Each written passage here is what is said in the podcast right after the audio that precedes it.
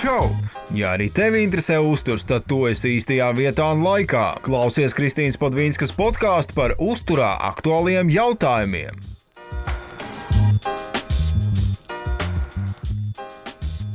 Nu, čau, čau. visiem podkāstu klausītājiem! Čau, Anna! Mm -hmm. uh, mēs esam nonākuši jau atkal pie vēl viena jauna podkāsta. Un šis patiesībā būs diezgan uh, ilgi tapis podkāsts, jo jautājums par dzelzi uh, es jums prasīju, man liekas, jau, jau diezgan sen atpakaļ. Bet mums ir vēl ļoti daudz tēmas, par kurām mēs jums gribam pastāstīt. Un um, solījumi ir jāizpilda un ir jā, jāizdara tas, ko jā, es esmu solījusi. Uh, tāpēc šis būs tāds uh, dzelzīgs, dzelzīgs podkāstīns. Kā tev ir Anna ar dzelzi? Esi dzelzs sieviete. No nu, esmu, es taču ceļu svars, ceļu dzelzi. Vai ne? Tas tiešā, tiešā kā nozīmē. Jā, īstenībā man, jā, man pat neko pat īsti vairs nav dzels. Tā, tā jā. nav ko teikt. nu jā. man nav ko teikt šajā sakarā. Nē, īstenībā teikt, ir ļoti, ļoti daudz ko, un tēma ir ļoti specifiska. Un, uh, jā, kas, kas ir vispār interesanti par dzelzi, tad uh, zinātnieki un fiziologi jau vairākus gadsimtus gad, gadu atpakaļ atklāja, ka dzelzs ir tāda svarīga, nozīmīga asins komponente. Un nezinu pat, kā, kā, kā izlasīt, varbūt tu, tu, tu runāji franču valodā. Un... Tas bija sen. Jā, bet kā, kā, kā tas franču ķīmijs, kā viņam bija tas vārds? Oi, Baptiste. Juans. Busingā. Busingā. Jā, un šis franču ķīmiķis, kuram mēs nemākam izrunāt vārdu, viņš jau pierādīja, ka dzels ir būtiski uzturēla katra cilvēka uzturā. Un jau 1932. gadā tika noskaidrots, ka dzels ietilpst hemoglobīnu sastāvā, kas ir, kas, kas ir proteīns, kurš ir principā atbildīgs par, par skābekļa transportu asinīs. Un es domāju, ka hemoglob hemoglobīnu jūs arī jau daudz jau zināt, kas tas ir. Bet uh, par to mēs arī sīkāk pastāstīsim. Un, nu, jā, jau toreiz cilvēki īstenībā zināja, ka tam ir uh, ļoti svarīga loma gan, uh, gan dažādos kognitīvajos, gan fizioloģiskajos procesos, un uh, ka tā ir svarīga komponente ne tikai asinīs. Bet, uh, jā, starp citu, es ceru, ka man uh, visu laiku nesajūgs, ka dzels ir vīrietis vai sieviete. Uh, Jo man ir visu laiku šie joki, bet viņa dzels ir sieviete, jā, kas ir arī ar citu interesantu dzels sievietes. Tas ir principā mm -hmm. ļoti, ļoti, ļoti, ļoti tematiski. Ir tematiski, jā. Nu jā. Un, Interesanti, un, kā viņi atklāja to. Un kā tas Baptists saprata? Tas dzels tur viss tā lietas notiek. Kā viņš to izdarīja? To es tik sīki es nezinu. Bet vispār es tiešām aizdomājos, dažreiz kā cilvēki pirms tik ilga laika varēja zināt kaut ko, uzzināt kaut ko, nonākt līdz kaut kam, ko mēs tagad, tagad īsti pat nevis to saprot līdz galam. Saprot? Bet viņi jau bija Vai priekšā, ne? viņi bija jau mums priekšā, bet viņi bija pagātnē. Jā. Jā, tas gan, tas gan. Es domāju, ka tādā uzturzinātnē un vispār par paru un ap uzturu mēs visu laiku, tu jau pat arī zini, ka te pētījumi visu laiku nāk jauni, jaunas lietas, un, un par to pašu dzelzi tu tik lasi un lasi un lasi un lasi un vēl daudz ko jaunu jaunu uzzini. Uh, bet jā, sākām. Šķiet, kaut kas tik vienkārši, kaut kas tik būtisks, kas ir katru dienu, tā kā kaut kas, kas mums ir. Bet tāpat patiesībā ir ļoti daudz informācijas un ļoti daudz grūtas informācijas arī ko apgūt. Tieši tā, tieši tā. Jā, un atgriežoties, atgriežoties pie dzelzs, uh, tā kā mēs abas divas tomēr sportojam, tad mēs atkal koncentrēsimies vairāk tieši uz sportistiem, bet es domāju, ka būs ļoti interesanti arī visiem, visiem pārējiem. Nu, lūk, jā. Par dzelzi, kas, kas ir svarīgi, ka uzturā mēs to atrodam gan hēma, gan nehēma formā. Un mm. tas hēma dzelzs ir uh, vairāk kā dzīvnieku. Principā ne, viņš nevis vairāk, bet viņš ir dzīvnieku valsts produktos. Un uh, tam it kā skaitās daudz labākas uzsūkšanas spējas nekā tā saucamā nehēma dzelzī, kas ir uh, augu valsts produktos. Tas tāpēc, ka hēma dzelzī ir uzreiz, hēma dzelzs uzreiz izmanto specifiskus hēma transportieru zernās, pātrinot hēma dzelzs nokļūšanu asinsritē. Bet nehēma dzelzī pirms uzsūkšanās ir jāiziet um, ķimisko reakciju virkne, un viņi tos transportierus neizmanto, neizmanto tik ļoti, vai neizmanto uh -huh. vispār. Uh mhm. -huh. Un, uh, nu jā, bet mēs runājam par tiem dzīvnieku valsts uh, produktiem ar uh, hēmadzels. Dzelzi tur ir hēmadzels, primāra dzelzs, bet uh, ir arī nehēmadzels iekšā. tas ir kā kombinācija. Man šķiet, es pareizi atceros. Uh -huh, uh -huh. Nu jā, ja mēs runājam par to nehēmu, tad uh, to var atrast uh, dažādos zaļo lapu dārziņos, pupiņo, pupiņās, kā arī produktos, kur ir uh, pievienotais dzels. Nu, šeit man liekas, ļoti daudz uh, sauso brokastu ražotāju to arī uzsver, ka viņiem tur ir dažādi vitamīni, minerāli vielas klāt, tā kā, tā kā jā, to pievieno klāt. Parasti arī B vitamīns, un ne? Jā, Tīpaši jā, bērniem, bērnu brokastu pārslās. Bet es gan neesmu baigs sīki papētījis, cik daudz ir uz to vienu porciju. Būs īstenībā jāpaskatās. Man vienkārši nāk, vai tad ir jautājums, vai vērts ēst tik daudz pārslu, lai iegūtu normālu dzelzi. Un gan jau viņi lieto tur iekšā pašus lētākus uh, dzelzs veidus, ko ielikt. Mhm. Tāpēc tā absorpcija ir varbūt mazliet savādāk. Varbūt, varbūt. Nu jā. Tā kā mēs esam dzelzs sievietes, kas, eh, kas, kas atkal pierādās, ja, tad tā, tā dzelzs mums ir vai, vajadzīga lielākā daudzumā nekā vīriešiem. Attiecīgi, tāpēc, ka mums ir šie fizioloģiskie procesi, kuros tomēr zaudējam daļu asiņu, bet uh, par tām visām devām un, un to visu mēs pastāstīsim arī, arī vēlāk. Uh, viena no tādām, man liekas, lielākajām problēmām, kas, kas ir sastopama, ir tā saucamais dzelzceļa deficīts, kas tiek, kas tiek diagnos, diagnosticēts tiem, kuriem ir zemes dzelzceļa daudzums organismā. Un, uh, kas ir ļoti svarīgi, ir uh, nodot šīs tā asins analīzes Mm -hmm. un, un pārbaudīt, Anna, cik, tu bieži turies, cik bieži tu uh, gadā nodod asins analīzes. Reiz gadā es eju uz Lielbritānijas um, ārsta praksi. Mm -hmm. Mums te ir klinika. Un es stāstu, cik ļoti es esmu sagurusi. un cik ļoti vajag pārbaudīt savu dzelzi un vitamīnu D un vispārējās lietas. Un tā es izcīnu savas asins analīzes. Bet, ja es aizbraucu uz Latviju, tad um, tas viss diezgan vienkārši man nevajag melot. À, tad īstenībā ārzemēs dzīvojošajiem ir uh, daudz grūtāk to izdarīt nekā Latvijā. Nu, tas nav grūtāk, vienkārši redzēju, šeit ir uh, bezmaksas um, healthcare, jeb veselības aprūpe. Aprūpe. Mhm. Jā, bet, uh, lai iegūtu to aprūpi, nu, jāgaida, jāgaida rindās visu laiku, ir uh, diezgan ilgi jāgaida um, savu ārstu apmeklējumi. Un vienmēr, ja tev kaut kāds nosūtījums aiziet uh, līdz hospitālam, slimnīcai, tad nevienmēr viņš var aiziet līdz tevīm, vai jāgaida gadi. Mm. Nu, tā sistēma ir diezgan, um, nu, doma ir laba. Ir ļoti labi, ka nav jāmaksā tur par daudzām lietām, bet uh, tomēr ir tie trūkumi, nu, kā jau katrā veselības aprūpē. Bet, uh, lai dabūtu nosūtījumus analīzēm, tāpēc, ka tas nāk no valsts budžeta, tev ir uh, jā, nu, jādod viņam zināt, ka tev to tiešām vajag. Jo, ja mm -hmm. tu Mhm. vienkārši aizies un pateiksi, jo es gribu, tāpēc, ka man šķiet, ka man vajag, kaut gan uz to nav tādu norādījumu, tad nu, tev neviens nedos, jo kāpēc viņam jātērē valsts nauda bez acīm redzams to iemeslu, kas ir saprotami. Bet um, praksē tas viss pēc tam beidzās ar to, ka ļoti daudzi nedabū to, ko viņam tiešām vajag. Un um, nu, varbūt nepamana kaut kādus Mm. tādus simptomus, un vai vispār neiet. Vai kā man paziņas, vienkārši brauc uz citām valstīm, savām valstīm, nu, kā es arī daru, piemēram. Jo nu, tu zini, ka samienas uh, dabūs labāku aprūpi tajā ziņā. Jo nu, tā uzticība ārstiem ir diezgan nu, nelabā līmenī. Mhm. Un no vienas puses ir mūsu pašu vaina, no otras puses tas ir uh, kāda sistēmas vaina, jo viņiem, um, kā tiem GP, jeb General Practitioner, viņiem ir ļoti tāda taita sistēma, ļoti, nu, viņam ļoti skaidri aprakstīts, kas viņam jādara katrā situācijā. Un visi, ko līdzi, viņi visi tā kā ļoti seko līdzi, lai tā sistēma tiek uzturēta. Tāpēc arī Mhm. Nu, sanāk, ka kaut kas tiek palaists vai ilgi jāgaida. Nu, tā. Nu, jā. Tāds Nu, jā. ievads.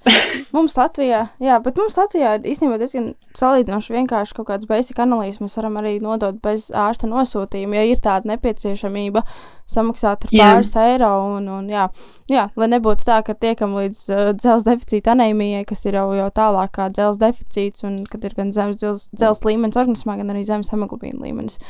Uh, man jau liekas, ka ļoti daudz gan es esmu runājis par dzelzi un tās nepieciešamību, gan arī nu jā, ļoti daudz, man liekas, medijos, medijos tiek runāts par šo, bet joprojām ir uh, Daudz cilvēku, kur cieši no šīs dzelzceļa nepietiekamības, iespējams, tas arī tiešām tāpēc, ka netiek nodot šīs asins analīzes, uh, ir sagurums, ir nogurums, nav spēka, nevar pavilkties, ja, kā, kā daudz saka. Un, nu, pat... jā, bet, bet vai nedomājam, mēs jūtamies varbūt saguruši un tāds, tāds ir panīkums, tad mēs arī saprotam, ka tas var veidoties ar citu iemeslu dēļ. Protams, bet. Uh, tāpēc mums uzreiz tā nešķiet, o, oh, tas noteikti varētu būt dzelzs. Jā, jā, protams, protams, bet uh, ņemot vērā, ka daudz. Tāpēc arī kavējam. Daudz arī netiek līdz tām asins analīzēm, bet uh, nu, Jā. noteikti, ja ir kaut kāda simptomātika, tad ir un jāpārbaudās. Protams. Bet jā, kāpēc, kāpēc tā, kāpēc vispār ir šīs dzelzceļa nepietiekamības un tā tālāk? Es jau, kā jau teicu, ir šīs te sievietes repro, reproduktīvajā vecumā, kad, kad jā, ir fizioloģiskie procesi, un otra lieta, kas ir dažādi, dažādi uztura veidi, dažādas diētas, kur tiek izslēgti kaut kādi produkti, kaut kas pamainīts. Nu, jā, arī, arī tas var, tas var ietekmēt šo te. Arī ēšanas traucējumu dēļ var veidoties uh, dzelzceļa deficīts, jo, nu, piemēram, meitenes izslēdz ogļhidrātus pilnībā vai padojas, vai um, ēšanas traucējumu dēļ sanāk, um, nu, ir, tāds, ir tāda ēšanas traucējuma, kur rezultātā sievietes izvēmē ēdienu, un ne, sieviet, ne sievietes, bet vispār cilvēki. Un uh, tāpēc arī, tomēr, vai atturās kon konkrēti no, no konkrētiem produktiem, tāpēc arī laika gaitā Protams, ne uzreiz, bet laika gaitā ēšanas traucējumu dēļ arī mēs varam redzēt, ka trau, nu, veidojas ne tikai dzelzceļa deficīts, bet arī citu uzturvielu makronutrientu deficīts. Mm -hmm. Tas jau man liekas, to, to es arī kaut, kad, kaut, kad, kaut kādu laiku atpakaļ rakstīju, ka nu, visas uzturvielas mums ir vajadzīgas, jo viena yep. uzturviela piedalās tur citu uzturvielu absorpcijas, tālākajās ķīmiskajās reakcijās un tā tālāk. Nu, tā ir vesela virkne. Tas, tas nav tā vienkārši, no, nu, ka es tur izslēgšu to, to, to, neko nelikšu vietā, un nu, gan jau būs labi. Kaut kādā laikā jau būs labi. Mums jau ķermenis ir. Uh... Nē, jau ne jau uzreiz viss tas veidojas, bet laika gaitā. Un... Jā, mums tā, ķermenis lai... ļoti, ļoti, ļoti spējīgs kā, izturēt kaut kādas ilgas, ilgas uh, lietas, ilgas mocības, un, bet kaut kādā brīdī viņš tomēr saka, ka hei, šis jau vairs nav ok. Nu jā, atgriežoties atkal pie, pie sportistiem, tad uh, atkal sievietes, jā, atkal runāsim par sievietēm. Tās ir pakļautas uh, vairāk dzelzceļa deficīta riskam. Un, uh, ja runājam par kaut kādiem skaitļiem, tad dzelzceļa deficīts un anēmijas skar aptuveni 11% sieviešu 20 līdz 49 gadu vecumā. Uh, savukārt jaunākie dati jau liecina, ka tas var būt 9 līdz 16% sieviešu. Nu jā, uh, runājot par tādu arī sportisko sniegumu. Uh, ļoti daudz literatūras par to, kā dzelzs ietekmē šo sportisko sniegumu, kā hemoglobīna līmenis ietekmē. Un, un, un ja tur skatāmies atkal par kaut kādiem pētījumiem, jā, tur sievietes ar zemāku hemoglobīna līmeni jau sliktāk tur varēja izpildīt vingrinājumus. Un, ja lietoju papildus dzelzi, tad jau mēnešu laikā jau bija kaut kādi uzlabojumi un, un, un labāk šie treniņu rezultāti. Uh, bet tāpat arī, ja dzelzi kā izrādās, dzelzceļa deficīts var būt arī bez anēmijas. Un, ja skatāmies uz tādu sportista izturību un aerobu adaptāciju muskuļu nogurumu, jā, tad, ja, ja mums šis dzelzceļa līmenis ir normālā līmenī, tad, tad viss ir kārtībā. Bet, nu, jā, kā jau saku, tad šie pētījumi var būt ārprātīgi daudz.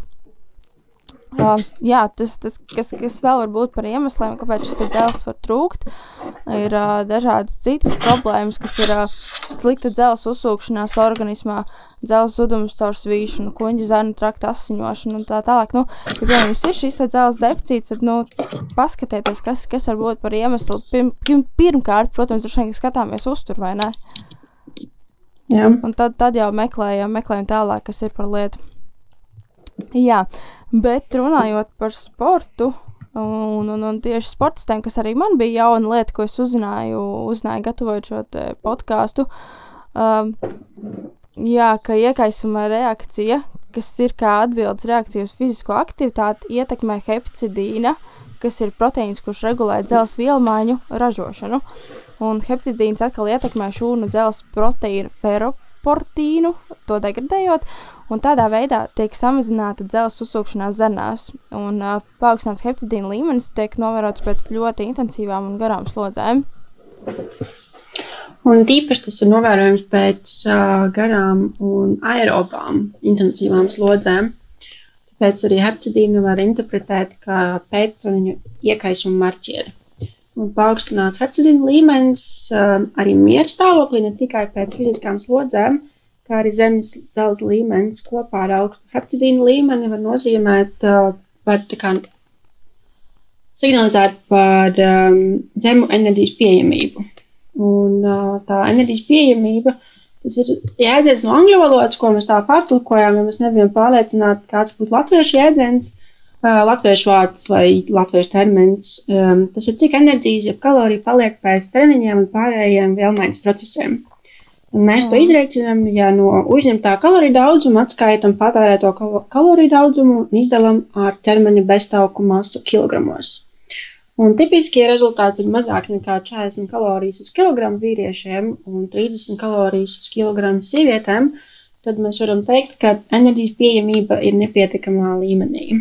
Bet ir jāpiemina, ka šie cipari ļoti aptuveni un ir jāvadās pēc pašsajūtas un arī izrēķināt to kaloriju pie, enerģijas pieejamību mājas apstākļos precīzi ļoti grūti.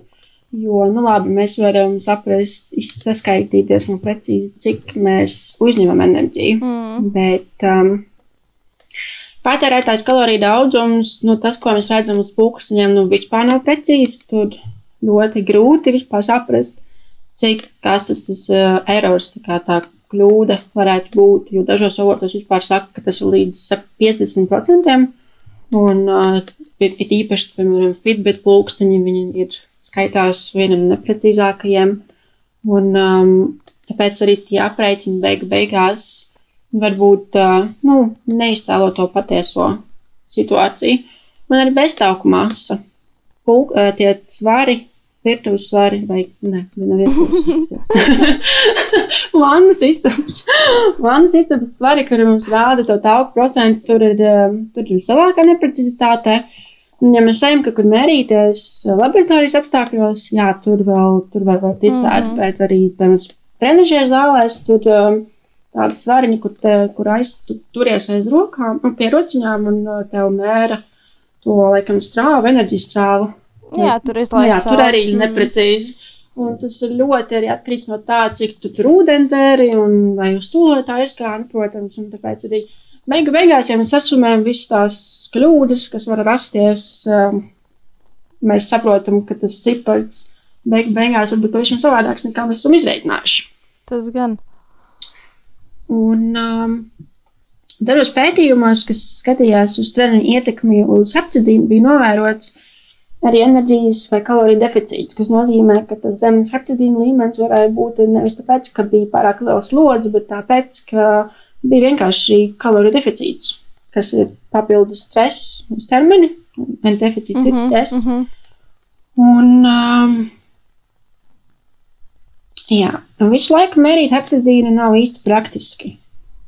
Bet, ja tā ir analīze, tad var paskatīties un uh, vienkārši pavērot, kas bija noticis pēdējā laikā, kāds ir dzelzs līmenis, un um, uztaisīt kaut kā secinājumu vai novērojumu pašai sev. Bet, klausies, es jā, par tām analīzēm. Es tagad uh, tikko iegāju arī vienā no mūsu populārākajām laboratorijām. Es neatradu hepcidīnu. Varbūt es nepareizi meklēju, bet uh, varbūt pie mums Latvijā nemaz netaisa. Nu, okay, tas būs jāpapēta, ir vai nav. Bet tas kaut kāds atsevišķs, par, ko, par ko tu piemaksā? Es vienkārši izgāju cauri Nā. visām, bet es neatradu. Varbūt tiešām netaisa. Varbūt ir kaut kas savādāk saucās Latvijas? Nē, it kā.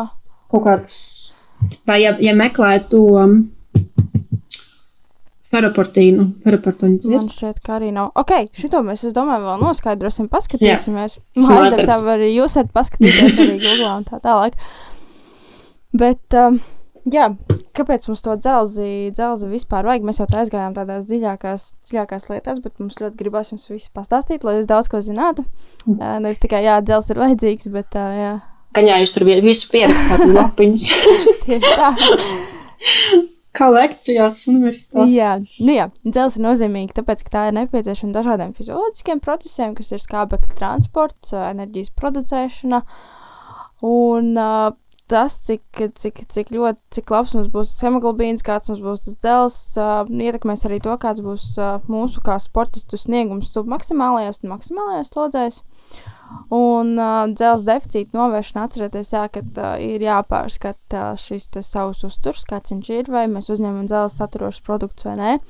Uh, ja ir nepieciešamība, uh, nebaidāmies lietot arī uzturu bagātinātājus, bet nu, tāds, kas tiešām strādā un kontrolējam arī asins analīzes, lai mēs saprotam, vai mums strādā tas uzturu bagātinātājs vai nē.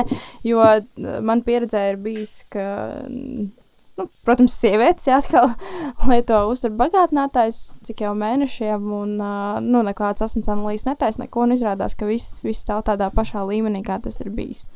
Tā kā nu, šeit. Ko? Jā, šeit nederēs tas, ka nu, man draudzenei strādāja, es paņēmu arī to pašu.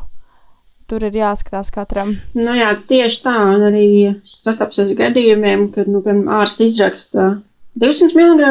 Jā, dzelzceļš, nu, tas ir jau medikamentos, gan jau daudzums. Un um, viņi negrib iet uz uh, aptieku, un viņi paņem no piemājas, nezinu, tur veselības veikala, tur 20 mg. Un viņi nesaprot, mm -hmm. ka tas vispār nav tāds. Ka tas tu nevari, tas, ja tev jādara 200, tad, tad 20 tev neko vispār nedos. Un um, aizsvērt arī tās devis un uh, uzmanīgi jāskatās uz iepakojumiem. Un, uh, jā, tiešām jāpārbauda un uh, jā, Nu, jā, jāskatās, ko ārsts Tieši tā. Jo tu nevari aizvietot 200 un 20. Nu, var, ja tu rītīgs atcerējies, ka apsliņas visi paciņi uzreiz. Nu jā, tad. Tas ir daudz Nu, jā. pasākums. nu, jā, kā, kā, kā jau Anna arī teica, ka, ka tiešām tādos smagākos gadījumos jau lieto arī medikamentus, un, un, un ir gan, gan uh, dzerabie medikamenti, gan, gan intravenozie medikamenti, bet nu, par tiem mēs šoreiz tā kā varbūt vairāk tā kā nē. Nu, jā, uh, Dzels, protams, spēlē nozīmīgu lomu tieši sporta laikā, jo tā funkcijas ir skābekļa transportēšana perifēriem audiem, kas ir, piemēram, muskuļi. Un, kas, kas ir arī interesanti, ko es arī palasīju tur grāmatās, ka dzels anēmija ļoti izmeklēta un diskutēta, taču pārlieku liels dzels daudzums var būt potenciāli problēma vīriešu starpā. Tāpēc, ka vīrieši tipiski lieto vairāk dzelzi nekā sievietes. Mm -hmm. Tas var ietekmēt negatīvi arī sirdi, aknas un endokrīnos orgānus. Un Vispār es pamanīju, ka vīriešu multivitamīnos nu, kā ir tie specifiskāki. Vīriešu un sieviešu Jā, velmeni, Jā, volumeni. to es esmu Un redzējis. viņiem neliek dzelzi iekšā. Mm -hmm. Vīriešiem neliek dzelzi iekšā. Un es kāpēc arī sieviešu multivitamīniem pēc 50 gadiem, kuri, tā kā, kurus domāt, viņiem arī nav um, Nu, dzelzi Droši vien, ka tas tāpēc, ka reproduktīvais vecums visticamāk jau ir beidzies. Jā. Es domāju, ka to tā var skaidrot. Nu jā, ļoti bieži tiek diagnosticēts, ka ferritīna līmenis asinīs ir ļoti zems, kas liecina par to, ka dzelzs rezerves organismā ir izsmeltas. Ja salīdzina, tad vīrieši ar šo problēmu saskaras daudz retāk nekā sievietes. Piemēram, salīdzinājis krējējus uh, diviem no div- 127 vīriešiem un 12 jā, diviem no 127 vīriešiem bija tikai šis zemais ferritīna līmenis, un tur, piemēram, 12 no 43 sievietēm bija zems. Un, uh, savukārt, ja skatāmies no otras puses, tad uh, atkal vīriešiem būs vairāk dzels nekā norma. Tas būs atkal vīrieši būs šajā ziņā Mm -hmm. dzelzīgāki nekā sievietes. Un, uh, iespējams, jā, ka tas varētu būt tāpēc, ka lieto vispār bez jebkādām indikācijām, jeb, uh, kā to pasakā, nu jā, nav vispār šis te dzel, nav noskaidrots asins analīzes, vai ir šis te dzels trūkums. Vai arī vienkārši ēda vairāk gaļas, ēda vairāk produktu, Jā, bet vairāk jautājums, vai no ēdienu. gaļas tik daudz uzsūksies. Nu, jā, bet vai, jā, šis ir tāds diskutējums jautājums īstenībā, vai no uztur mēs uh, ēdot tur vairāk gaļu, vai tiešām tik daudz uzsūksies. Nu, jā, tas Bet gan. tā, jebkurā jā. gadījumā, es domāju, ka nu, atkal mēs atgriežamies pie tā, pie tā paša, ka ir jātaisa analīze. Nu, jā, vienmēr ir svarīgi atcerēties jā, par tiem uzturbagātnētājiem, ka lietojam tikai tad, ja vajag. Ja, un, ja tiešām ir diagnosticēta konkrētā problēma, un, un, un, un jā, ja nav indikācijas, nu nevajag. Nu, jā. Un, ja runājam atkal par sportistiem, tad dzelzceļa trūkums asociējas ar kopēju veselības pasliktināšanos, pašsajūtas pasliktināšanos, kā arī sliktu, pasliktinātu atletisko sniegumu. Un dzelzceļa deficīts, kurš var rasties dažādu apstākļu dēļ, nav, nav reti sastopams sportistu vidū, ir īpaši izturības sportistu vidū. Un, jā, kā jau teicu, tie ir tie, nu, vidēji, ja skatās pasaules populācijā, tad tie varētu būt aptuveni 15%. Un, nu jā, es arī pati īstenībā esmu saskārusies ar, ar to, ka, ka daudz un dikti sportoju, netaisīju asins analīzes ilgāku laiku, un tad pēkšņi aizēju paskatos, ka šis te feritīns ir lejā. Tā kā ja jūs esat sākuši sportot un palielināt tās slodzes, tad, tad noteikti atcerieties pārbaudīties. Ja mēs runājam par profesionālo sportu, tad uh, dzelzceļa trūkums var veidoties arī pie normālas vai augstākas nekā vidējais dzelzceļa uzņemšanas no uztura. Vienā 2015. gada pētījumā uh, viņi, ņēma, viņi skatījās uz profesionālām volejbolistu spēlētājām, un uh, bija 11 sievietes. Un 30% no viņām veidojās dzelzceļa trūkums pēc 11 nedēļu intensīvu treniņu režīmu kas bija treniņi katru dienu, sacensības. Nu, ja tu profesionāli sporto, tad uh, tas mm. ir kaut kas normāls. Un jāpiemina, ka viņas uzņēma 26, aptuveni 26 mg dzelzceļa dienā, kas ir uh, diezgan vairāk nekā ieteicamā dienas deva. Un, um, Zinātnieki secināja, ka papildus dzelzceļa lietošanai no uzturu bagātinātājiem var būt pozitīva ietekme uz veselību un sniegumu sacensību vai intensīvāku treniņu sezonā. Respektīvi, ja mēs, nu, ko viņi teica, ka, ja mēs zinām, ka tagad būs intensīvāks treniņu režīms, ir tīpaši, ja zini, ka tev ir tieksme būt um, cēlus deficītam, ja bija jau tāda problēma, kaut kad tad ir vērts varbūt padomāt par uzturu bagātinātāju, parunāt ar ārstu par to, un ar sporta ārstu, un um, saprast, varbūt uh, tā ir ļoti laba ļoti, lab, ļoti labs veids, kā samazināt tos negatīvos efektus un rezultātus pēc tam, pēc pāris Mhm. mēnešiem. Jā, tas, tas arī tāds labs, labs ieteikums tiem, kas uh, uzsākuši treniņus. Un jā, jā tā kā, na, es saku, no uztver bagātinātājiem no jābaidās, ir vienkārši jāzina, ko jūs lietojat un kāpēc jūs to lietojat. Jo es zinu, ka es pat arī kādreiz, nu, man liekas, nē, nē, uztur bagātinātājs, nē, viss ar uzturu, bet uh, tā realitāte ir bijusi skarb, skarbāka tomēr. Man bija tieši otrādi. Es, uh, es kā 16 gadu vecumā, 15 gadu vecumā sāku strādāt, biju promoteri, ka man bija naudiņa. Un Alkas dienā man bija viss, vis, vienmēr jāiztērē diezgan liels naudas gabals uz uh, sporta uzturu un sarunu tabletītēm. Un tad es atskatos, man tāds labi, ka es to vairs nedaru. Es, ja tu aizgāji, ja tev tā kā no vispār ne līdz kaut kas, tad man no pārāk daudz līdz mm -hmm. nu, gandrīz nekas. Nu, visam jāpieiet atkal ar prātu. Nu, jā. Protams. Labi, ka, Labi, ka tas beidzās. nu, jā, labi, ka es nu, jā, Izauga. Viss visāds pieredzīts ir, un es domāju, ka par tām pieredzēm mēs arī noteikti, noteikti parunāsim. Tieši tā. mācāmies ļoti daudz. Nu, jā, Jā. Par to dzelzceļa uzsūkšanos, jā, dažādiem produktiem tā ir atšķ atšķirīga, un tas ir vispār tāds komplicēts process. Un, ar uzturu mēs varam uzņemt gan divvērtīgo, gan trīsvērtīgo dzelzi, taču no uztura labāk uzsūksies divvērtīgais dzelzs tā īpašība dēļ. Jā, vai arī tas dzelzs, kas savienots ar uh, hēma proteīnu. Un um, trīsvērtīgais dzelzs tiek konvertēts uz div, divvērtīgo dzelzs kuģijas kabā Mhm. Nu jā, tad uh, kuģī veidojas dzelzs komplekss ar mukoproteīdu gastroferīnu, un uh, tālāk dzelzs uzsūcas tievajā zarnā.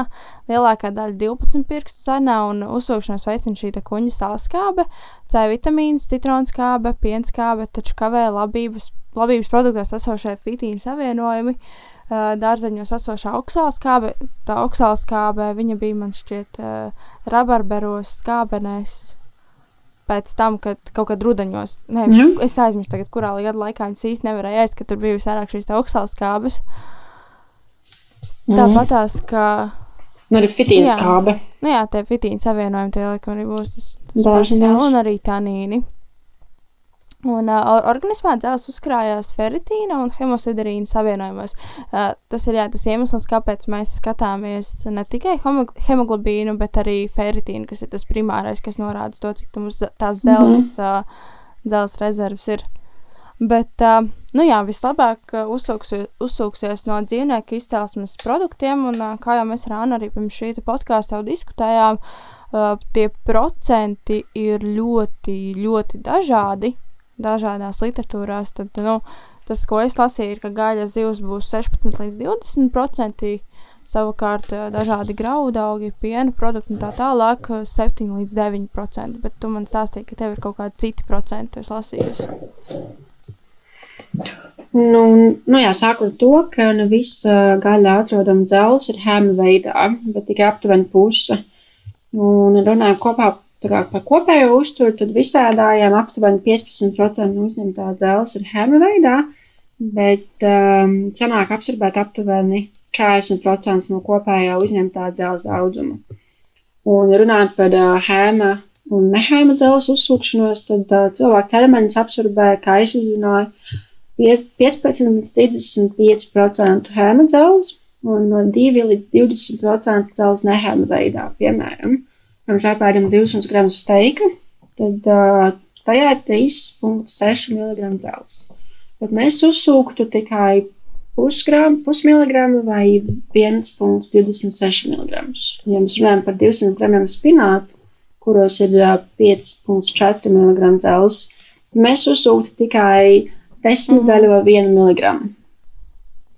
Tāpēc arī teikt, nu, tas arī, kas ir, nu, mēs, tas ir saprotami, bet arī grūtāk mums ir, ka tās procentuālas ļoti, nu, ļoti svārstās, un tas diapazons ir diezgan liels produktiem. Tāpēc um, beig beigās kādam cilvēkam ir normāli, pietiekami ar uzturu, un, ja viņš absorbē vairāk, bet uh -huh. citam cilvēkam nē. Un interesanti arī, ka pastāv attiecības starp dzelzceļa līmeni un spēju uzsūkt dzelzi. Kad mums ir dzelzceļa trūkums, tad uh, mums mainās arī um, dzelzceļa transporta zarnās un uh, tiek palielināta absorbētā dzelzceļa daudzums no uzturs. Bet, uh, bet rezultātā mēs pat varam dubultot to uzņemto, uzsūkto dzelzceļa daudzumu no uzturu. Bet, ja dzelzceļa trūkums nav, tad mums, mums šādas izmaiņas nav novērotas un mēs neuzsūcam tik daudz. Jā, šis no ir tāds interesants fakts, manuprāt, ka, nu, it kā. Jā, arī parāda, ka ķermenis jā. ļoti gudrs. Ko viņam Jā, nevajag, bet viņš neapsverbē. Viņš noved līdz tādam stāvoklim, ka viņš tā kā varbūt neuzsūc visu to, ko vajadzētu. Un tajā brīdī, kad, kad vairs nav, tad Jā. ok, tagad uh, sākam atkal, atkal sākam strādāt. Jā, šis arī, ko es teicu, likās tāds, tāds interesants fakts. Nu jā, kāpēc vispār tad uh, var, var rasties šis te uh, dzelzs trūkums? Tad, uh, nu, pirmais noteikti ir, ka ir par maz dzelzs. Uh, tad vēl šī traucētā uzsūkšanās, kas ir zarnu, zarnu slimību gadījumi pēc kuģa vai zarnu operācijām, un, un citi dažādi, dažādi, dažādi, dažādas slimības. Uh, var būt trūkums, tad, ja mēs nepiefiksējam, ka mums ir lielāka nepieciešamība pēc dzelzs, kas ir bērni, grūtniecības sportisti, ja uzturā lietojam pārāk maz olbaltumvielu. Nu, jā, tas varētu būt tāpēc, ka kārtīgi dzelzs deva mēdzam uzņemt ar tiem produktiem, mm Mhm. -hmm. kur ir labi obaltumvielu avoti, piemēram, sarkanā gaļa, putnu gaļa un jūras veltes. Un um, tāpēc arī tie tā de debāti, vai veģetāriešiem ir lielāks risks uh, būt ar uh, dzelzs deficītu. Nu, jā, kad jau avotos saka, ka jā, Jā, citos avotos saka, tur, ka jā, to arī visi, visu laiku strīdās. Nu jā, par, par, par to trūkumu, tad, protams, var būt arī traucēta hemoglobīna sintēze, kas var būt dažādu nieru slimību gadījumā, ja ir kroniska asiņošana, nu kā piemēram, labi, jā, arī tas var būt ilgas mēneša reizes, ja ir, piemēram, arī kroniska intoksikācija, kas ir audzējusi, vai vispār ir vienkārši kaut kāda kroniska infekcija. Tā kā tie iemesli var būt ļoti dažādi. Atkārtošu vēlreiz asins analīzes. Regulāri vismaz reizi gadā noteikti, un tad atkal skatoties pēc sajūtām. Uh, jā, kā, kā, kā jau es jau podkāstu sākumā solīju, ir uh, bijuši visādi jautājumi, ko, ko arī jūs, jūs uzdevāt, un, un, un uz kuriem jūs arī gribat zināt atbildes. Mēs arī šīs te atbildes sagatavojām.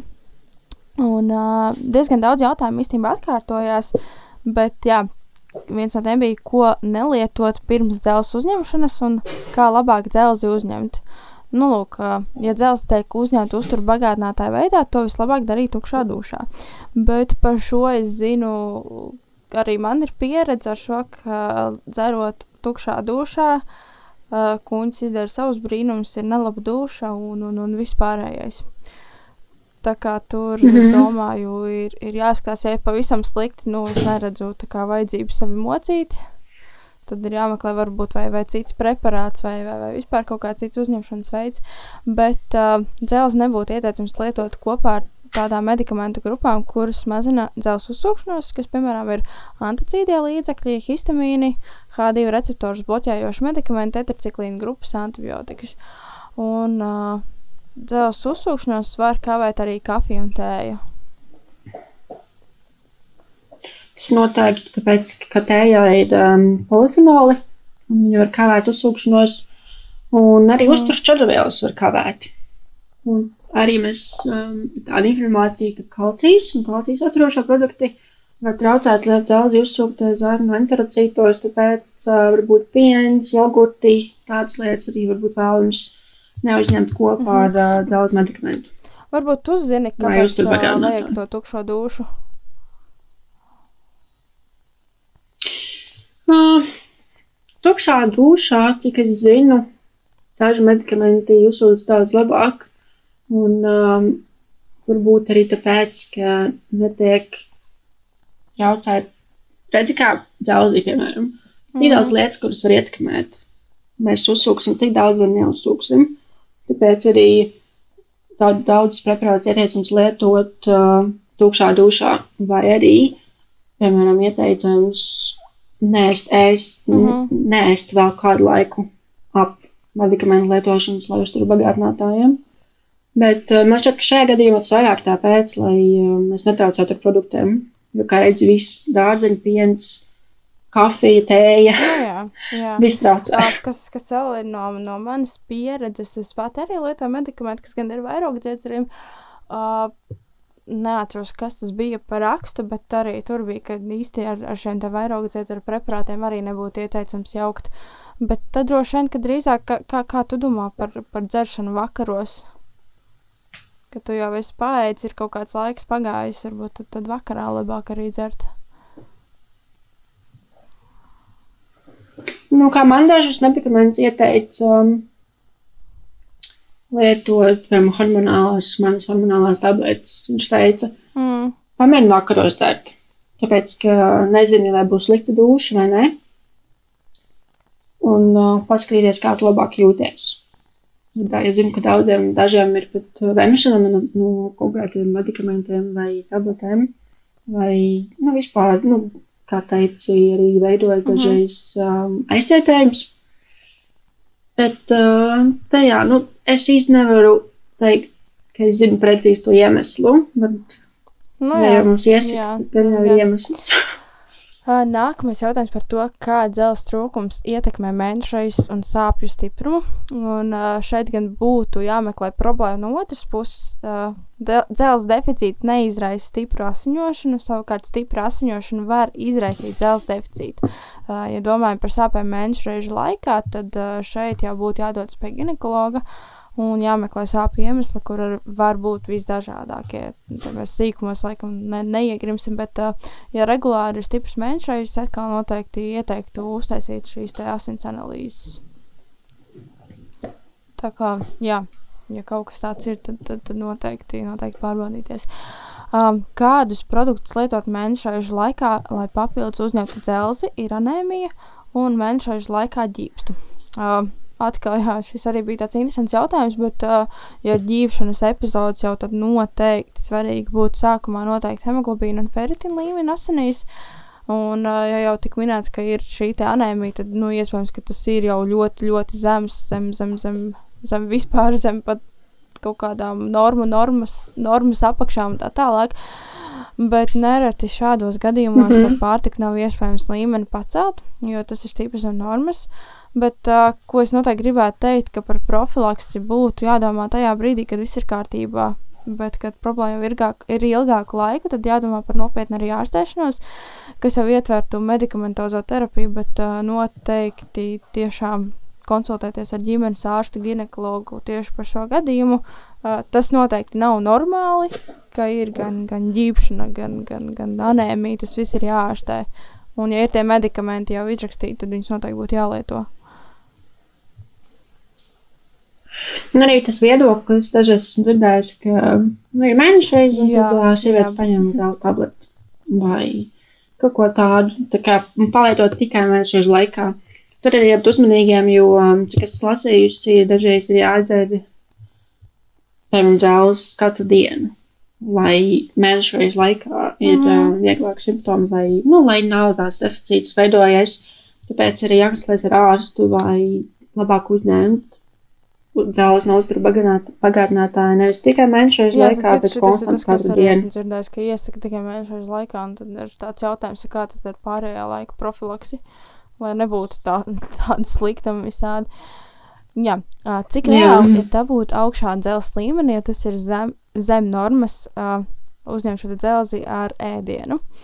Uh, Nu jā, tad jau būtu jāvērtē katrs gadījums individuāli, kādi produkti pirms tam tika uzņemti, cik daudz no tiem ir dzelzs saturoši un cik daudz no šiem produktiem, produktos esošā dzelzs reāli uzsūcas.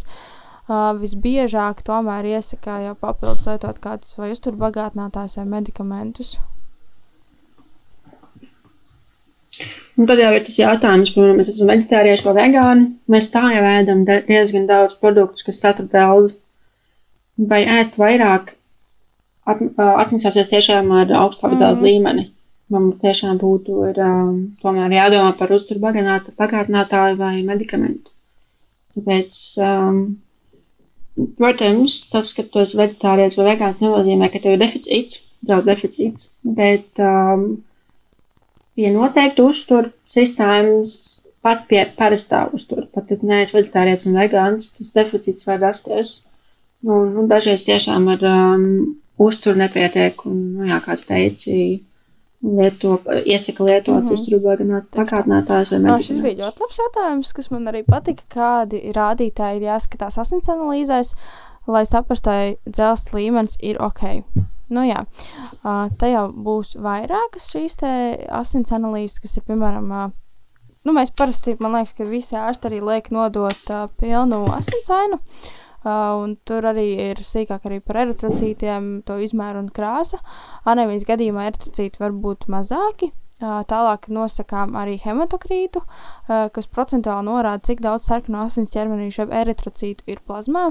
Un normā tas ir no 34,9 līdz 44,5 pieaugšām sievietēm un no 38,8 līdz 50 pieaugušiem vīriešiem. Normas gan var būt mainīgas atkarībā no vecuma.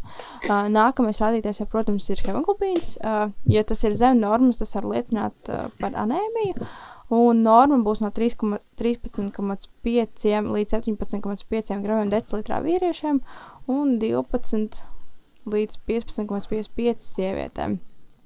Taču arī šeit var būt izmaiņas normu rādītājos atkarībā no vecuma, dzīvuma, uh, uh, grūtniecība, sportists. Nu, tur, jā, tur jau jāskatās katram. Un, kā jau es teicu, jā, jā. šis feritīns arī jāskatās, kas ir proteīns, kurš palīdz uzglabāt re dzelzs rezervi organismā un norāda par uh, tiešām esošām rezervēm, kas, kas ir mums pieejamas. Un zemes līmenis ir zemes rezerves. Un sākotnēji labāk noteikt šo rādītāju, jo tas būs precīzāk nekā hemoglobīns. Uh, tāpat arī varam noteikt transferīnu saturāciju, dzels, kas ir dzelzs saistošos proteīns. Tā kā Jā. Un arī tas heptadīns, par kuru es runāju, mm. um, pišķi pirms tam. Uh, bet arī, ja ir iespēja, protams, un uh, varbūt jāapskatās atsevišķi, ja zini, ka ir intensīvās lodze, kaloriju deficīts vai abi. Un, nu, tā vienkārši uzmest acis, pastīties, kā tas ir un kā, ko tev saka um, hematokrīta, hemoglobīna mm -hmm. radītāji, feritīns un tad heptadīns. Un arī jāpiemina, domāju, ka jā, mūsu analīzes un ir noteikti, noteikti amplitūdas katram radītājam, bet uh, arī svarīgi jā. tas, kas bija pirms tam mūsu vēsturē. Jo dažreiz, piemēram, zināms, jā, mēs vēl esam tā kā nepietiekamā līmenī, piemēram, par feritīnām, bet tas bija augstāk nekā pagājušo reizi. Kas, mm -hmm. ir, mhm. kas nozīmē, tas ir labi. Jā, pilnīgi noteikti ir jāsako līdzi arī dinamikai. Citi rādītāji, kurus var skatīt papildus, ir, nu, tas jau, jau skatoties jau dziļāk, ir, piemēram, endoskopija, piemēram, nav iespēja. ļoti dziļi. Ir jau, jau tiešām, tiešām tekstā. Tas ir ļoti dziļi. Ja nav iespējams atrast iemeslu, kāpēc cels līmenis ir zems un terapija nepalīdz, tad var apskatīties tur kuģi, lai izslēgtu asiņošanu. Tāpat arī var ārsts ieteikt arī kolonoskopiju, lai apskatītu zārnes, un uh, tāpat tās, piemēram, to pašu ultrasonogrāfiju, uh, lai apskatītu iegurņu orgānus, kas ir atkal svarīgi sievietēm, ja? nu, tieši dažādu ginekoloģisko problēmu dēļ. Bet, uh, nu jā, tas, tas jau būs, ja mēs tiešām skatāmies tiešā tekstā uh, dziļāk. jā. Uh, ļoti tiešām. Viņa sekas neārstētai anēmijai, nu, kā, kā jau jebkurai slimībai. Ja ja dzelzceļa stepcīta anēmija ir vieglā formā, sākotnēji tā var neizraisīt nekādas komplikācijas, taču, ja tā netiek ārstēta, tā var pāriet smagā formā un dažādos simptomos, sākot ar sirds problēmām, kad ir neregulāra sirdsdarbība, uh, sirdī nepieciešams pumpēt vairāk asiņu, lai kompensētu skābekļa trūkumu. Tāpat ir ļoti jāuzmanās uh, arī grūtniecības laikā, jo dzelzceļa deficīta anēmija var būt kā riska faktors priekšlaik, priekšlaik, priekšlaicīgām dzemdībām. Uh, kā arī zemam bērna dzimšanas svaram, tāpēc ir būtiski kontrolēt asins analīzes. Uh, Un arī dzelzceļa deficīta anēmija var veicināt augšanas aizturu bērniem, kā arī var palielināt, uh, palielināt uzņēmību pret dažādām infekcijām.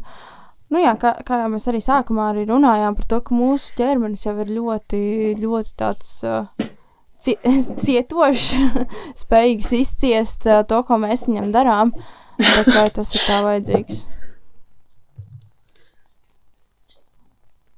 Nu, arī uzmanīgi redzam, ka dzelzceļa līmenis asinīs ir augsts, tad ir jāpakonsultējās, jāpaskat, jāpaskatās, ko mēs darām tagad, un varbūt kaut ko pamainīt, lai to dzelzi dabūtu bišķi zemāk, lai tas ir normas robežās. Bet, protams, arī pilnīgi normāli, es varbūt teiks, ka tas ir normāli tev. Arī, jo ir arī dažādas laboratorijas izmanto jā, dažādas um, amplitūdas, kas esmu dzirdējusi, vai tu zini? Tāpēc ir jāskatās, varbūt, ja pamanīs laboratoriju, tad jāapskatās, kā tas ir saistīts ar, um, kā tu vari salīdzināt savus tagadējus rezultātus mm -hmm. ar iepriekšējiem. Par produktiem arī var parunāt, kuros ir dzels, un, uh, ja mēs esam veģetārieši vai vegāni. Un um, dažādi produktu tiešām ir daudz. Bet tev ir pupiņas, turku zirņi, lēcas, mhm, tofu, spināti, kā kale, keila, kale. Kā, kale. Indijas un citi rieksti, un sēdzam un čiesēklas, un arī citas sēklas. Bet, um, nu, jā, jāatgādina, ka cik mēs esam lasījuši, tad uh, augu valsts produktos tas dzels ir um, nehēma veidā. Tāpēc arī mēs neuzsūcam tik daudz, bet Tāpēc mēs arī varam pāriest mazliet vairāk, vai vairāk, lai uzņemtu vairāk dzelzs. Jā, beigās. tā kā opcijas ir, un jā, arī visi šie produkti, kuros ir papildus savuklāt pielikts. Tā kā tos, tos arī noteikti var iekļaut uzturā. Um, jā, mm -hmm. aknēs ir daudz dzelzs, bet arī citu lietu. Cik daudz bieži var ēst aknas? Nu, lūk, šeit ir uh, tieši tāpat kā cilvēkiem, arī dzīvniekiem aknas ir lielā detoksa sistēma, un tajās notiek daudz un dažādi ķīmiski procesi. Un, uh, ja ēdam aknas, tu atceries, ka tu pēdējo reizi ēdu saknes? Vispār nekad? Nekad. Man, labi, nu labi, nekad. nu, jā, es arī atceros kaut kad bērnībā. Pirms 15 gadiem? Man piet kā viena gabaliņa, ka mēs teicām, ka bērnībā es mācu, bet ir, ir cilvēki, kuriem garšo un lieto, bet uh, ja ēdam aknas, tad uh, noteikti būtu ieteicams izolēties aiz aknas no zināma lauksaimnieka saimniecības, un lai zinātu, ar ko tas dzīvnieks vispār ir barots, un kā aknas ir uh, tās, tās sakot, uh, tīras, ja, ka tur nav, nav visādi. Jo aknas, jā, viņas mums tiešām filtrē visu, tīra visu, jā. un, un, un tas ir tāds unikāls orgāns. Un arī grūtniecības laikā esmu uzmanīgs, jo vēlams neēst aknas pārāk augstu vitamīna A satura dēļ. Un, um, ja ir pārlieku augstas vitamīns uh -huh, A, tad uh -huh. um, var būt uh, dzimšanas defekti. Tāpēc, nu, pat es domāju, ka katrā grūtniecē šī informācija ir jau zināma. Nu, jā, Pastāstiet, kāds pazīmes cels deficītam. Man liekas, vienkārši redzot malu cilvēku, tas, tas arī var norādīt uz to, ka ir dēls deficīts. nu, tu jau nevari teikt. Jā, bet, uh, Bet, Tad es esmu tik bāla, ja es nespēju saulē, tad es esmu tik tas- bāla, tas ka man teikt, ka vispār manī nav ā, dzelzs vairs. diezgan acīm redzams. Ok. Un Nākamais, kas ir, tas ir nogurums, jeb šī nespēja pavilkties. ā, Tās var būt galvasāpes, protams, galvasāpes var būt no daudziem dažādiem iemesliem. Ā, Dedzināšana mēlē, mutes kaktiņa, Mhm. un gļotāta sabiezēšana, trausli mati un nagi savu sādi. Nu, tās tādas primārās pazīmes, bet es domāju, ka šis bēlums un ā, tas, tas nogurums jau būs tas, kas varētu liecināt. Jā, tā kā noteikti pas, paskatieties uz sevi arī spogulī, paskatieties, kas notiek ar matiem, nagiem. Nu, jā, savs mati un, un, un matu krišana jau arī var par to arī liecināt. Mhm. Kādi produkti satur Nu, dzelzi un cik daudz? Kāda ir ieteicamā dienas deva pārējo te atkal ir ļoti dažādi, bet uh, tas, ko es esmu lasījusi, sievietēm dzels, ieteicamā dzelzs deva ir 18 mg dienā, vecumā no 19 līdz 50 gadiem, savukārt vīriešiem 8. Un uh, grūtniecības laikā pieprasījums pēc dzelzs pieaug, un tāpēc tie var pat būt 27 mg dienā. Bet, nu jā, jā, jā. jā. Diezgan krietni pieaug, ne? Uh, šeit atkal jau man liekas, būs vairāk tava tēma, jā, kāds, kāds varētu būt iemesls dēls pārsniegumam pārējā rādītāja normā. Bet, uh, nu jā, šeit jau būs drīzāk, ka, ka tie var būt iedzimti uzsūkšanās traucējumi, kas ir hemohromatoza, kad dzels uzsūtas pārāk daudz, uh, primāra siderofīlija, kad dzels pārmērīgi daudz uzkrājas aknās, aizkuņas iedzirī un citos orgānos. Un, nu jā, šeit jau attiecīgi arī skatās un lieto produktus, kuros ir, kuros ir mazāk dzels. Bet, jā, kas, kas, kas būtu tie vislabākie uzturu bagātinātāji un kādi vispār ir šie veidi? Un, un ko mēs varam no viņiem sagaidīt? Nu, vispār dzels. Vispār dzels uzturbagātinātāji var būt dažādi veidi. Tabletes, kapsulas, sīrupi, šķistošās tabletes un spreji. Un ir uh, uzturbagātinātāji, kurus satur tikai dzelzi, un ir arī tie, kur saistīti, kuri kopā ar vitamīniem B vai C un citām vielām. Un uz iepako- uz iepakojumiem norāda dzelzs formu bagātinātāji. Un uh, parasti var saistīt sāļus, Zelta sulfāti, fumarāti un glikonāti. Šo sulfātu formā esot populārāk. Un kā arī kopā ar dzelzi var atrast vitamīnu C, kas palīdz dzelzi labāk uzsūkties. Ir arī palēnātas absorpcijas dzelzs uztura bagātinātājs, kas ir kapsulās ar speciālo apvalku, bet jāuzmanās no multivitamīniem, kuros ir dzelzs un kalcijs kopā, jo kalcijs traucē efektīvai dzelzs absorpcijai. Un dzelzs uztura bagātinātāju blakus efekti var būt slikta duša, aizcietājuma, mm -hmm. vemšana, diarēja, šausmas. Bet, uh, jā, ieteicams sākt ar uh, mazāku devu un to pakāpeniski palēnināt, ja jūtam izteikti blakus efekti. Protams, runāt par to ar ārstiem un uh, censties paskaidrot, izskaidrot, cik tiešām tas ietekmē ikdienu. Un, uh, es domāju, noteikti atradīsies kāds uzturbagātinātājs vai um, medikaments, kas derēs labāk tieši tev. Un uh, ir zināms, ka dažādi Latvijā un šeit sastopami uzturbagātinātāji kā Floridiks uh -huh. vai Mhm. Foraglobīns. Tas ir tie nu, sīrupi, kas ir kopā ar vitamīniem B. Cik es esmu dzirdējis, tie ir diezgan garšīgi. Kas ir svarīgi katram, varbūt tam, nu, tiem, kuriem gribās kaut ko. ne, negrib. Mm. nu, kā, jo, jo dažreiz ir tas, ka tu nevari iedzert vispār. Nu, ka tev vispār tīpaši grūtniec var būt un ir tās pastiprinātās maņas, tīpaši, nezinu, kā tas, tas um, garša un smarža. Tad svarīgi izvēlēt, nu, ka tomēr ir Mhm. tādas opcijas, kuras būs patīkamākas mums, sievietēm. Es pat redzēju, ka Es bija testerīši dzērusi. vai Floridiks. Jā. un Mazās Nu, jā, es pudelītes tikko. da, tie produkti uztur bagātinātāji ļoti dažādi un atkal tiešām jāskatās, kas jums strādā. Un, ja runājam par kaut kādām vai devām, nu, it kā es runāju, ka 100 mg dzelzs sulfātu var uzlabot serumu ferritīnu par 30 līdz 50% 6 līdz 8 nedēļu laikā. Un, uh, ko es vēl pie šī gribētu pateikt, ka, nu, tā dzelzs deficīta ārstēšana, viņa ir ilgs process. Tas nav tā, ka Jūs tur vienu nedēļu padzerat dzelzi, un uzreiz viss ir kārtībā. Tur divas nedēļas tas ir mēneša jautājums. Tā kā noteikti nevajadzētu sev novest līdz tādam stāvoklim, ka ir tik traki jāārstējās. Nu, Nevajadzētu tas ir dažreiz. Bet, nu, sanāk. Bet labāk, lai nesanāk. Jā. Bet labāk man nesanāk. Un uh, bez receptes pieejamiem uh, dzelzs uzturbagātājiem parasti daudzums, dzelzs daudzums ir līdz 20 mg. Man šķiet, tas ir tāds daudzums, kas ir um, Mm. nu, drošs pārdot uh, bez receptes. Tāpēc dažiem gadījumiem tas ir pamazs un ir um, jāskatās, vai pāris var izrakstīt uh, augstāku devu, lai Mhm, mēs mhm. ātrāk uh, Jā, šeit tiešām konsultēties ar ārstu, ja, ja asainas analīzēs redzat, ka kaut kas nav. Pavisam nesen es nopirku sev jaunu grāmatu, kas man tagad ir. Es, jā, man grāmatas tagad pēdējā laikā vispār ļoti patīk, vairāk nekā iepriekš. Bet jā, nopirku tieši Jaukendrupa Sports Nutrition, kas ir Jaukendrups, varbūt kādreiz arī jums pastāstīšu, bet viens no maniem tādiem uh, favorītu uzturzinātniekiem, uh, kur viedoklim es arī uzticos un kurš ir uh, zinātnē pamatots.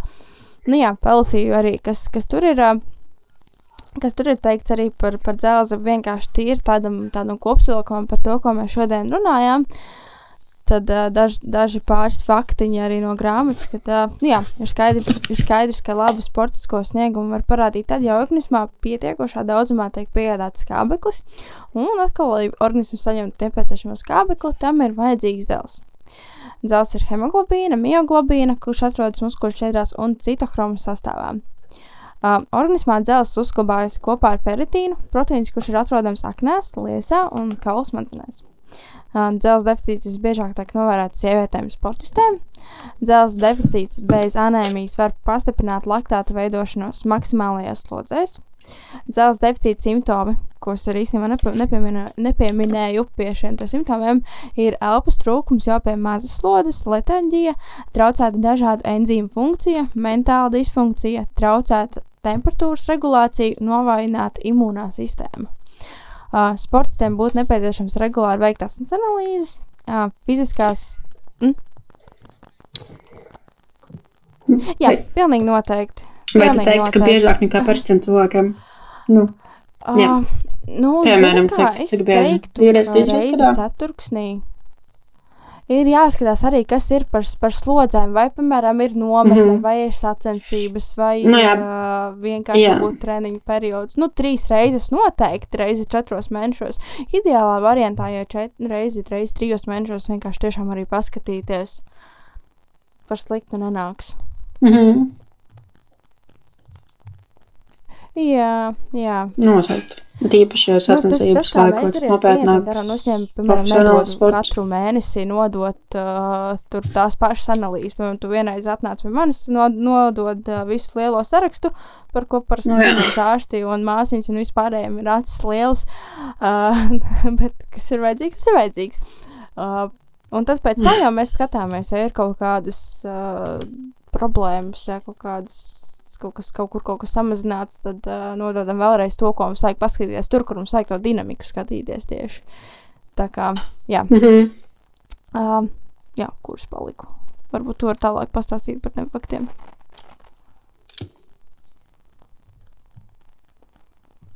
Un fiziskās lodes laikā notiek sarkano asinsšūnu, jeb eritrocītu destrukcija, un uh, dzelzs tiek zaudēta arī caur urīnu sviedriem. Un arī fiziskās aktivitātes noteikti palielina pieprasījumu pēc dzelzs.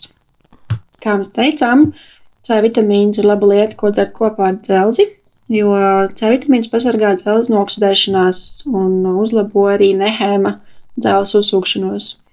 Bet um, Jā, Laikam nav tik liela efekta uz hēmadzēles Šis uzsūkšanos, jo nu, hēmadzēles jaunums, tāpat uzsūc ļoti labi. par, par to, ka, ka Tad ir tanīni, Mhm. ne? Bet arī cik interesanti. Tad ir tanīni, fosfāti, oksolāti un arī palielinās červielu uzsūkšanos, proc- uzsūkš- uzsūkšanās procesu.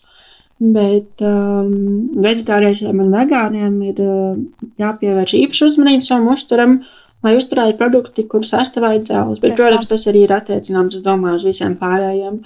Jo um, tas, ka ēd visu, nenozīmē, ka uzturs sabalansēts un, un, un labs. Jo arī ir redzēt piemēri, ka nav tik ļoti varbūt viss uzturvielas un dārzeņi un vitamīni un arī labi gaļas avoti, kur piemēram tikai pārstrādāts pārtikas produkti. Un arī, protams, nepieciešamība pēc daudz, daudz lielākiem sportistiem, kas veidojas dzīvesveidu cilvēkiem. Un, uh, kā jau minējām, pārspīlēts daudz daudzums nedos labumu veselībai, bet var attīstīt kunduzornu trakta problēmas, aizcietējumus, kā arī traucēt cinka un varu uzsūkšanos, tāpēc lietot kādu uzturbodēnotāju vai medikamentu vienmēr ir jāsako līdz analīzēm. Kāds var saskaitīt? Teikuši reizes desmit, vai kādam ir jāskaitīt. Mēs varam, jā. Zin kā tas, tas, jā.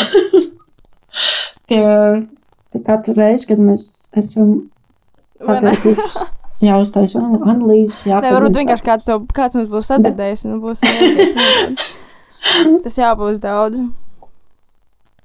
analīzes. Vai ne? Pēc tam sapnī būs tāda jādara. Analīzes, analīzes. Nu, protams, arī anēmija. Anēmija var attīstīt arī citu uzturvielu deficīti. B6, Nu, jā. B12, folskāba un vara tā kā deficīts. ir ļoti daudz, ko mēs esam, man liekas, šoreiz jums pastāstījuši par dzelzi. Vienkārši par vienu uzturvielu. Iedomājieties, cik ir vēl daudz uzturvielas, par kurām mēs tā varam runāt. Vai ne? Jā, Te, kur mēs uz, ierakstām šo podkāstu 29. dece- visticamāk. decembrī. Kad tas iznāks, laikam būs janvārs, vai ne?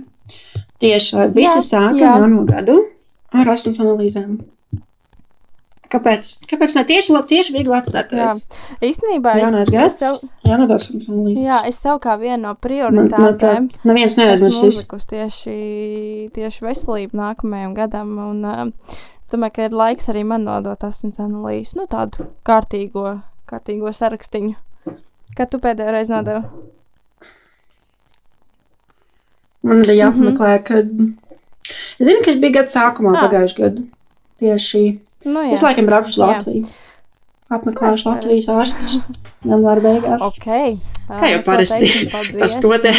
ka jūs mūs klausījāties. Uh, mums vēl top uh, daudz, daudz, daudz, daudz dažādu citu tēmu. Ir ļoti daudz jautājumu arī no jums. Un paldies, ka arī jūs iesa iesaistāties podkāstu radīšanā. Jo, ja mums nebūtu klausītāji, mums uh, nebūtu kam gatavot šo podkāstu. Protams, mēs daudz arī mācāmies, bet uh, paldies, ka jūs esat, paldies, ka jūs klausāties, paldies, ka jūs uzticaties. Uh, noteikti dalieties ar šo podkāstu, parādiet draugiem, uh, radiem un visiem pārējiem. Un, jā, es domāju, Jā. jā, būsim priecīgi arī par komentāriem. Varbūt jums ir kaut kas par ko mēs. Nezinām. Tā kā mēs būsim priecīgi par to, ko jūs zināt. Un, jā, tad jau droši vien tiekamies Noteikti. nākamajos podkāstos. Jā, paldies, ka klausījāties. Un paldies arī tev, Anna, par šo Paldies! sarunu.